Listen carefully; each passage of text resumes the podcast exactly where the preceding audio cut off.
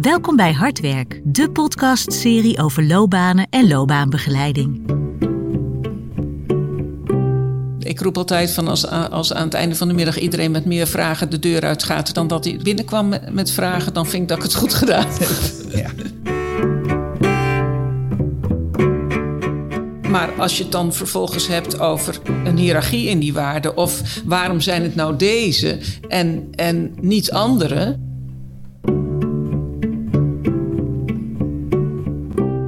deze aflevering bespreken Hans van Westen en Antje Dekker de masterclass Ethiek, Diversiteit en Inclusie. Ze bespreken hierin onder andere hoe je als coach ethisch kunt handelen en hoe je om kunt gaan met ethische dilemma's. Hans, het woord is aan jou.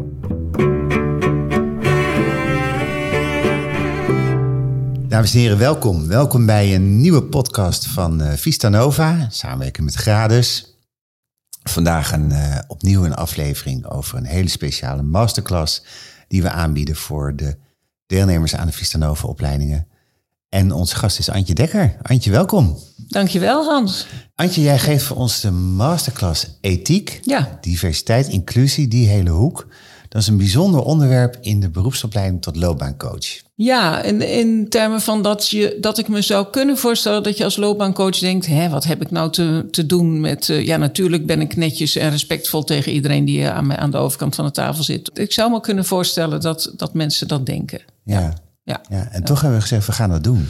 We gaan er een dag aan besteden. Ja, ik, ik vind het ook terecht. Want een van de dingen die we doen op die dag is dat we met, uh, met de cursisten kijken naar de gedragscode van uh, NOLOC. Dat is natuurlijk een, hè, dat is een gedragscode, dus per definitie gaat het daar dan meer over normen en over hoe je je dient te gedragen en niet zozeer over de achterliggende gedachten daar, daaronder en de waarden die daaronder zitten. Maar op het moment dat je dat dan doet met cursisten en vervolgens de vraag stelt: oké, in deze gedragscode zitten verstopt zitten waarden over integriteit of over eerlijkheid of over transparantie. Um, maar uh, is dat dan altijd zo? En is daar dan misschien een hiërarchie? Moet je, als je moet kiezen tussen een situatie waarin je nou ja, eerlijk bent of, uh, en of transparant, welke heeft dan de voorrang en waarom? En op het moment dat je dat soort vragen gaat stellen, dan zie je ook heel snel dat cursisten daar onderling uh, niet altijd hetzelfde over denken. Maar dat dus ook het besef komt van, oh, wacht even, je moet dat dus ergens op grondvesten. Of in ieder geval moet je daar eens een keertje over hebben nagedacht. Ja. Ja, en nou ja, überhaupt denk ik altijd dat het geen kwaad kan als mensen eens nadenken over hun standpunten. Dus. Ja. Als, je, als je zegt uh, grondvest, hè? Wat, wat, zou dat dan bijvoorbeeld kunnen zijn als het gaat over eerlijk of transparant? Hè? Ik vind dat een mhm. mooie vergelijking. Wat, wat, wat, wat voor grondvesten kun je dan vinden waardoor je zo'n vraag kunt gaan beantwoorden? Ja. Nou, ik, ik vrees dat ik eerst even moet beginnen met zeggen van... ik weet niet zeker of je de vraag überhaupt kunt beantwoorden. Um, ik roep altijd van als, als aan het einde van de middag iedereen met meer vragen de deur uitgaat dan dat hij binnenkwam met, met vragen, dan vind ik dat ik het goed gedaan heb. Ja. um, maar als het gaat over die vraag van waar kun je dat nou op grondvesten? Nou ja, dat, je, kunt, je kunt op zoek gaan naar hoe dat bij een aantal filosofen zit. Hè. Dus, dus er zijn bijvoorbeeld filosofen uh, die gezegd hebben van uh, het is heel belangrijk om uiteindelijk dingen te doen in je leven waar je gelukkig van wordt. En, en dan wordt, is geluk niet uh, een lekker ijsje of een, uh, of, of, of een nieuw, uh, nieuw merk limoncello. Hè? Hoe lekker ook. Maar dan gaat geluk over, over zelfverwerkelijking, het, het gebruik van je talenten enzovoort. Nou, als je als, als dat een richting is waar je je heel erg bij thuis voelt, dan uh, zal over eerlijkheid en transparantie, zul je gaan nadenken in termen van wacht eventjes, als ik nou eerlijk ben of als ik transparant ben, wat, wat vind ik nou, als ik het nou heb over zelfverwezenlijking en als ik het nou heb over wat past nou het, het beste bij mij en mijn talenten, ja, wat, wat wordt het dan? dan? Dan ga je in die richting je vragen stellen. Maar als je, ja, zoals Kant zegt, van nou ja, het gaat over, hè, Kant vult eigenlijk dat, dat vult geen doel van ons leven in, hè, die, zegt, die zegt eigenlijk gewoon van. Je moet, zo, je moet zo handelen dat je wilt dat alle anderen ook zo handelen. Ja, dan wordt het dan wordt nadenken over is het dan transparant of, uh, of eerlijk, wordt, wordt het veel lastiger. Want dan weet je, heb je helemaal geen houvast meer. Ja, en, en kun je dan zeggen dat je mensen dus leert om ethische vragen, om die van verschillende kanten te benaderen. En daar ook wat referenties omheen te verzamelen, waardoor je creatiever over dat soort vragen gaat nadenken? Ja, en, en het begint ook al met. Um, misschien zit het zelfs nog een stapje ervoor. Dat je ook mensen leert dat ze er überhaupt zijn. Ethische vragen of uh, vragen over uitgangspunten. Ja, en dat ze dus ook door het nolog blijkbaar gebruikt zijn om. Ja, om, de beroepscode om daar beroepscode op te, op te, op te formeren. Waarbij je dus als je echt naar die. Dat hebben we, dat hebben we nu gedaan. Hè. Ik heb gewoon aan de cursisten gevraagd van nou. Dit zijn dus allemaal normen. Wat voor waarden zie je daar nou achter? Nou, dat, dat, dan komt dat allemaal wel redelijk overeen hoor, welke waarden daar dan allemaal uitkomen. Maar als je het dan vervolgens hebt over een hiërarchie in die waarden, of waarom zijn het nou deze en, en niet andere? De, um, bijvoorbeeld een mogelijke waarde als arbeidsgeluk zit niet in de NOLOC-normen. Nou, dat, ja, waarom niet? Want dat is vaak iets waar je als coach wel heel erg mee bezig bent. Waar, waar heeft dat dan mee te maken? Dus, dus het begint echt bij gevoelig worden voor, voor dat type vragen. Je zei net van als mensen met meer vragen weggaan dan dat ze binnenkomen, is mijn doel bereikt. Zijn er meer dingen die je mensen aan het einde van de dag willen hebben laten bereiken? Uh, nou ja, kijk, we, we, gaan, we doen in de middag doen we echt een. Uh, ik zeg we, hè, want ik, mhm. ik doe het samen met, uh, met Jan. Uh, in de middag doen we echt een vrij groot blok over inclusie en diversiteit. En een belangrijk onderdeel van dat blok is dat mensen zich gaan realiseren hoe het, zeg maar, ja, even populair gezegd, hoe het zit met hun zeven vinkjes. En met een aantal um, ja, vooronderstellingen en ook gewoon uh, ja, positievoordelen die ze zich voor een deel niet eerder bewust waren. Ja. Um, en dat vind ik wel een tweede um, ja, belangrijk leerpunt op die dag. Dat, dat, dat hoeft niet opgelost te zijn. En, en dat, dat hoeven mensen niet helemaal uitgeschreven uh, te hebben voor zichzelf op het einde van die dag. Zeker niet.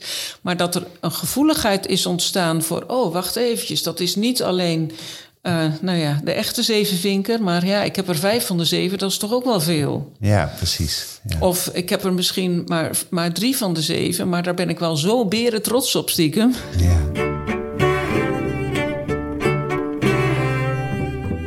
Ethiek is een onderdeel van het Nodok-profiel. Daarom hebben we ook gezegd, we willen daar een aparte eigen invulling aan geven bij uh, Vista Nova. Waarbij filosofie en dus de achtergrond van ethische normen de hoofdmoot zijn. Um, later dacht ik wel eens van, daar maken we het onszelf niet heel makkelijk mee. Door nee. de lat lekker hoog te leggen. En toen kwamen jullie binnen en zei nou, en dan wil ik ook graag dat mensen van tevoren een boekje lezen. Ja. Ja. ja. ja. Uh, en toen dacht ik, ja, dat is logisch, want het is iets anders dan even een instrument leren of even een wet leren. Um, vertel eens iets meer over het huiswerk wat ja, jullie laten ja, doen. Ja, en, en tot onze verrassing, want bijna iedereen doet dat. Hè? Dat is echt geweldig. Ja. Dat, is, dat, is, heel leuk. Wij hebben gekozen voor de, de, we hebben echt gekozen voor, voor nou ja, redelijk. Dat, dat boek van Savitaire, dat is denk ik al van 19 80 of zoiets. Maar dat is nog steeds heel toegankelijk. Dat is een, dat is een boekje wat hij... Uh, Savater is een, een Spaanse filosoof. Uh, heeft overal en nergens lesgegeven. Uh, professor geweest. in de tijd van Franco een poos in de ban gedaan. daarna, het is een Bask eigenlijk. Daarna heeft hij zich enorm druk gemaakt... over de afscheidingsbeweging van de ETA... en daar, daartegen geprotesteerd. Dus toen werd hij weer door de ETA in de ban gedaan... en is hij een poos ook, moest hij beschermd worden... omdat er gewoon een, een prijs op zijn hoofd stond vanuit de ETA. Dus hij heeft zijn sporen wel verdiend, zou je zeggen. Ja. Maar hij heeft, uh, op een gegeven moment heeft hij dus ergens, ik doe het nu uit mijn hoofd, maar ergens in de jaren tachtig denk ik, heeft hij een boekje geschreven voor zijn toen 15-jarige zoon over ethiek. En dat is, dat is, dat is echt dat is een erg leuk boekje om, uh, uh, om te lezen. Hij, het is zijn soort brieven aan zijn zoon, als het ware. Hij, spreekt zijn zoon ook toe. Dus dan zegt hij ook zo nu en dan van die dingen. Nou ja, er komt nu even een ingewikkelde passage. En ik kan me voorstellen dat je daar geen zin in hebt. Je kunt het ook gewoon overslaan en dan begin je bij het volgende hoofdstuk. Dus dat is heel toegankelijk, omdat hij, uh, nou ja, en door hoe hij schrijft en je zo direct aanspreekt. En uh, Savater is heel erg de, de ethicus die zegt: het heeft, uh, ethiek is levenskunst, zegt hij. Dus je moet nadenken over een aantal vragen in je leven. En als je dat goed doet, dan, nou, dan, wordt, dan wordt je leven een stuk makkelijker. En, en voor hem is heel belangrijk dat, dat het gaat over willen. Dat het over willen en kunnen. Uh, dat zijn echt hele belangrijke begrippen bij hem. Dat is Savater. En de ander, dat is uh, Martela of Martela. Ik weet niet precies wie het uitspreekt. Is een Fin, jonge Fin. Heeft psychologie en filosofie gestudeerd. En die is zich gaan afvragen: ja, wat is nou eigenlijk de zinvol leven en, het, en de zin van het leven? Um, en. Um, die komt uit op een antwoord dat de zin van het leven het samenleven is. Dus in relatie met, met, met de ander. Uh, waar, waar je natuurlijk ook hele oude, of, of, ook hele relaties weer kunt leggen met oude Franse filosofen enzovoort enzovoort. Maar goed, dat, dat, eh, dat doen we allemaal niet, want dan wordt het ingewikkeld. Ja, en je hebt maar één dag, hè? En we hebben maar één dag, precies. Um, en ook dat is een heel, to heel toegankelijk uh, boek. En het leuke was dus, omdat je tegen cursisten zegt van, nou ja, één van die twee. En um, we hebben uh, er eigenlijk bij geen van beide boeken... we hebben niet erbij gezegd van nou de ene is dit en de andere is dat. Dus we hebben gewoon alleen die twee titels gegeven. Dus ze moesten, allemaal, ze moesten allemaal even kijken naar welke van de twee vinden we het leukste. En nou ja, dan, dan zie je dat ongeveer de helft van de groep de ene doet... en de andere helft van de groep de andere. Dus. Dat is helemaal prima. Ja, ja. precies. Ja ja, ja. Je wordt ook echt gevoed hè, daardoor op zo'n dag. Met die voorbereiding, ja. met die boekjes en die dag zelf. Ja, ja. wij krijgen van, van cursisten krijg je ook dingen terug over... Uh, nou, ongeveer de helft van de opmerking gaat over... oh, leuk uh, dat, ik, dat ik nu wat meer weet over, over hoe een aantal filosofen... over ethische vragen denken. Of dat ik wat beter snap welke elementen allemaal bij ethiek een rol spelen. Of dus echt dus op het kennisvlak, zeg maar. En de andere helft uh, gaat terug over nou ja, inzichten die mensen voor zichzelf uh, ontdekt hebben die dag. Of waar ze blij van zijn geworden. Of waarvan ze denken: oh, hier, hier wil ik op door. Ja. Wat, wat maakt dat jij daar les in kunt geven? Wat is jouw achtergrond om dit te kunnen doen? Ja, heel divers. Kijk, ik, ik, ik heb ooit, toen ik 18 was en van, uh, en van de middelbare school af kwam, wilde ik filosofie gaan studeren. Maar ik had niet de indruk dat dat nou een verstandige keuze was in termen van boterhammen en beleg en hypotheken en al, al die andere dingen. Uh, dus toen ben ik maatschappelijk werkster geworden. En daar heb ik ook in gewerkt. En uh, toen ben ik ergens rond de dertigste ontdekte ik dat je in uh, Utrecht in deeltijd filosofie kon studeren. Dus toen ben ik een dag minder gaan werken en heb ik lekker filosofie gestudeerd. Ja.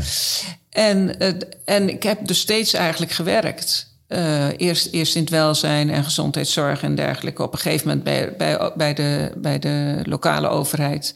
Uh, en daarna ook nog bij een waterschap. En dat, ja, nou ja, op de, laatste 30, 35 jaar wel steeds in leidinggevende baantjes. Maar toch ook wel met voldoende betro betrokkenheid bij de uitvoering.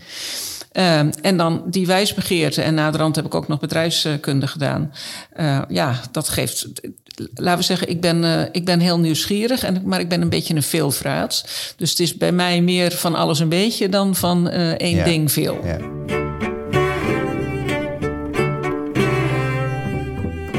Als je manager bent en je hebt ook filosofie gestudeerd, ja. wat doet dat in je rol als manager? Ja, ik heb altijd geroepen dat het heel erg dat de combinatie van maatschappelijk werk, filosofie en bedrijfskunde dat het een ideale vooropleiding is voor ja. dat soort Er zullen weinig mensen zijn die dat gecombineerd gedaan hebben, ja, denk dat, ik. Hè? Ja, ja, ja. ja. Um, de, ik denk dat ik, dat ik van de filosofie echt heel erg geleerd heb om uh, om zeg maar na, naar de vraag achter de vraag te gaan. En, en op zoek te gaan naar de vooronderstellingen die al in een vraag of in een probleem zijn, zitten ingebakken. En ik denk ook, en daar helpt ouder worden ook bij hoor, dat is ook zo. Maar ik denk ook dat ik van de filosofie een soort tolerantie heb geleerd tegen vragen en niet weten. Socrates die zegt ook heel erg dat je, he, die, die, deed alleen maar, die stelde alleen maar vragen. En die was, uiteindelijk was hij op zoek naar een soort moment waarop ook die ander zei: Ja, nou weet ik het niet meer of wat dan ook. En daar kwam geen echt antwoord uit. Maar dat moet je wel kunnen verduren. In, die, in die onzekere situatie, dan moet je het wel kunnen uithouden. Uh, en ik denk dat ik dat van de filosofie ook wel geleerd heb. Dus dan, dan is vragen stellen niet meer zo naar, zeg maar. Want dan nee. hoef ik niet per se een antwoord te hebben. Hij, hij, hij moet even rustig bij me inzinken. Ik ja, vind het wel mooi. Ja, ja, ja. ja, Dus de vraag op zichzelf heeft ook al veel waarde, zeg maar. Ja, van het de antwoord. vraag op zichzelf heeft al veel waarde. Daar, daar geloof ik echt. Ik denk ook als je dat is, ja, misschien is dat naïef, maar als je kijkt nu naar het huidige debat waarin we elkaar met meningen om de oren slaan en, en nauwelijks meer vragen. Ja, ik denk meer vragen. Ook naar als iemand een mening verkondigt waarvan je echt, nou ja, al, al je haren lekker overeind staan. Maar daar meer naar vragen. Ik denk dat dat een, een enorm krachtig uh, instrument is. Daar ligt natuurlijk ook een belangrijke link met het coachwerk. Want coachen is ook heel veel goede vragen kunnen stellen ja. natuurlijk. Ja, ja, ja. ja. En wat je toevoegt is kunnen verduren dat het antwoord misschien er nog niet is. Ja. Of een tijdelijk antwoord is, of een gedeeltelijk antwoord is. Ja. Ja. Of gewoon nog moet rijpen in de loop Ja. van de tijd. Ja. en dat moet je natuurlijk als coach kunnen verduren, maar als coachief zeker. Ja, hè? Ik zeker. bedoel, want, want je eigen onrust is, ja, ja. je wil een Je zit altijd in de weg. Ja,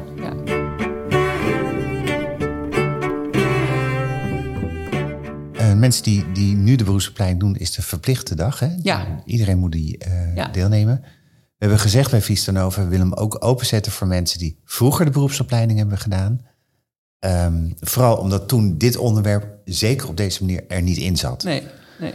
Eh, dat betekent dat in jouw masterclass kun je soms studenten tegenkomen die nu de opleiding volgen, Ja. maar misschien ook de afgelopen Ja. vijf of tien jaar die opleiding hebben gedaan. Ja.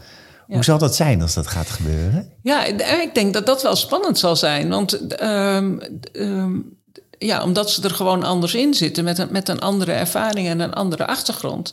Op dit moment zou ik denken van ja, de mix is, is wel zo leuk. Ja. Want het is denk ik voor, eh, voor de huidige studenten altijd heel leuk om een beroepsbeoefenaar tegen te komen. Ja. Ehm, maar ik denk omgekeerd dat je, tenminste dat is ook weer mijn eigen ervaring. Toen ik, ik heb eens, eh, heel kort hoor, maar ik heb eens een keertje op CEO, op CEO les gegeven.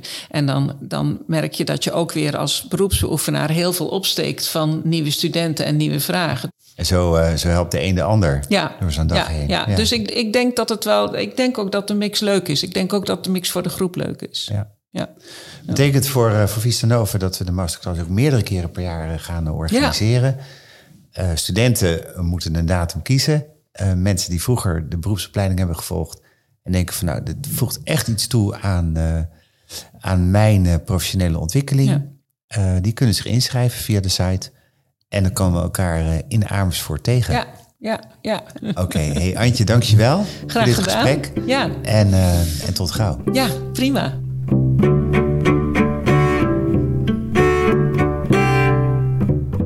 Dank je voor het luisteren naar Hard Werk. Wil je meer weten over de masterclass Ethiek, Diversiteit en Inclusie? Neem dan een kijkje op vistanova.nl. Abonneer je op deze podcastserie voor meer inspirerende loopbaanverhalen.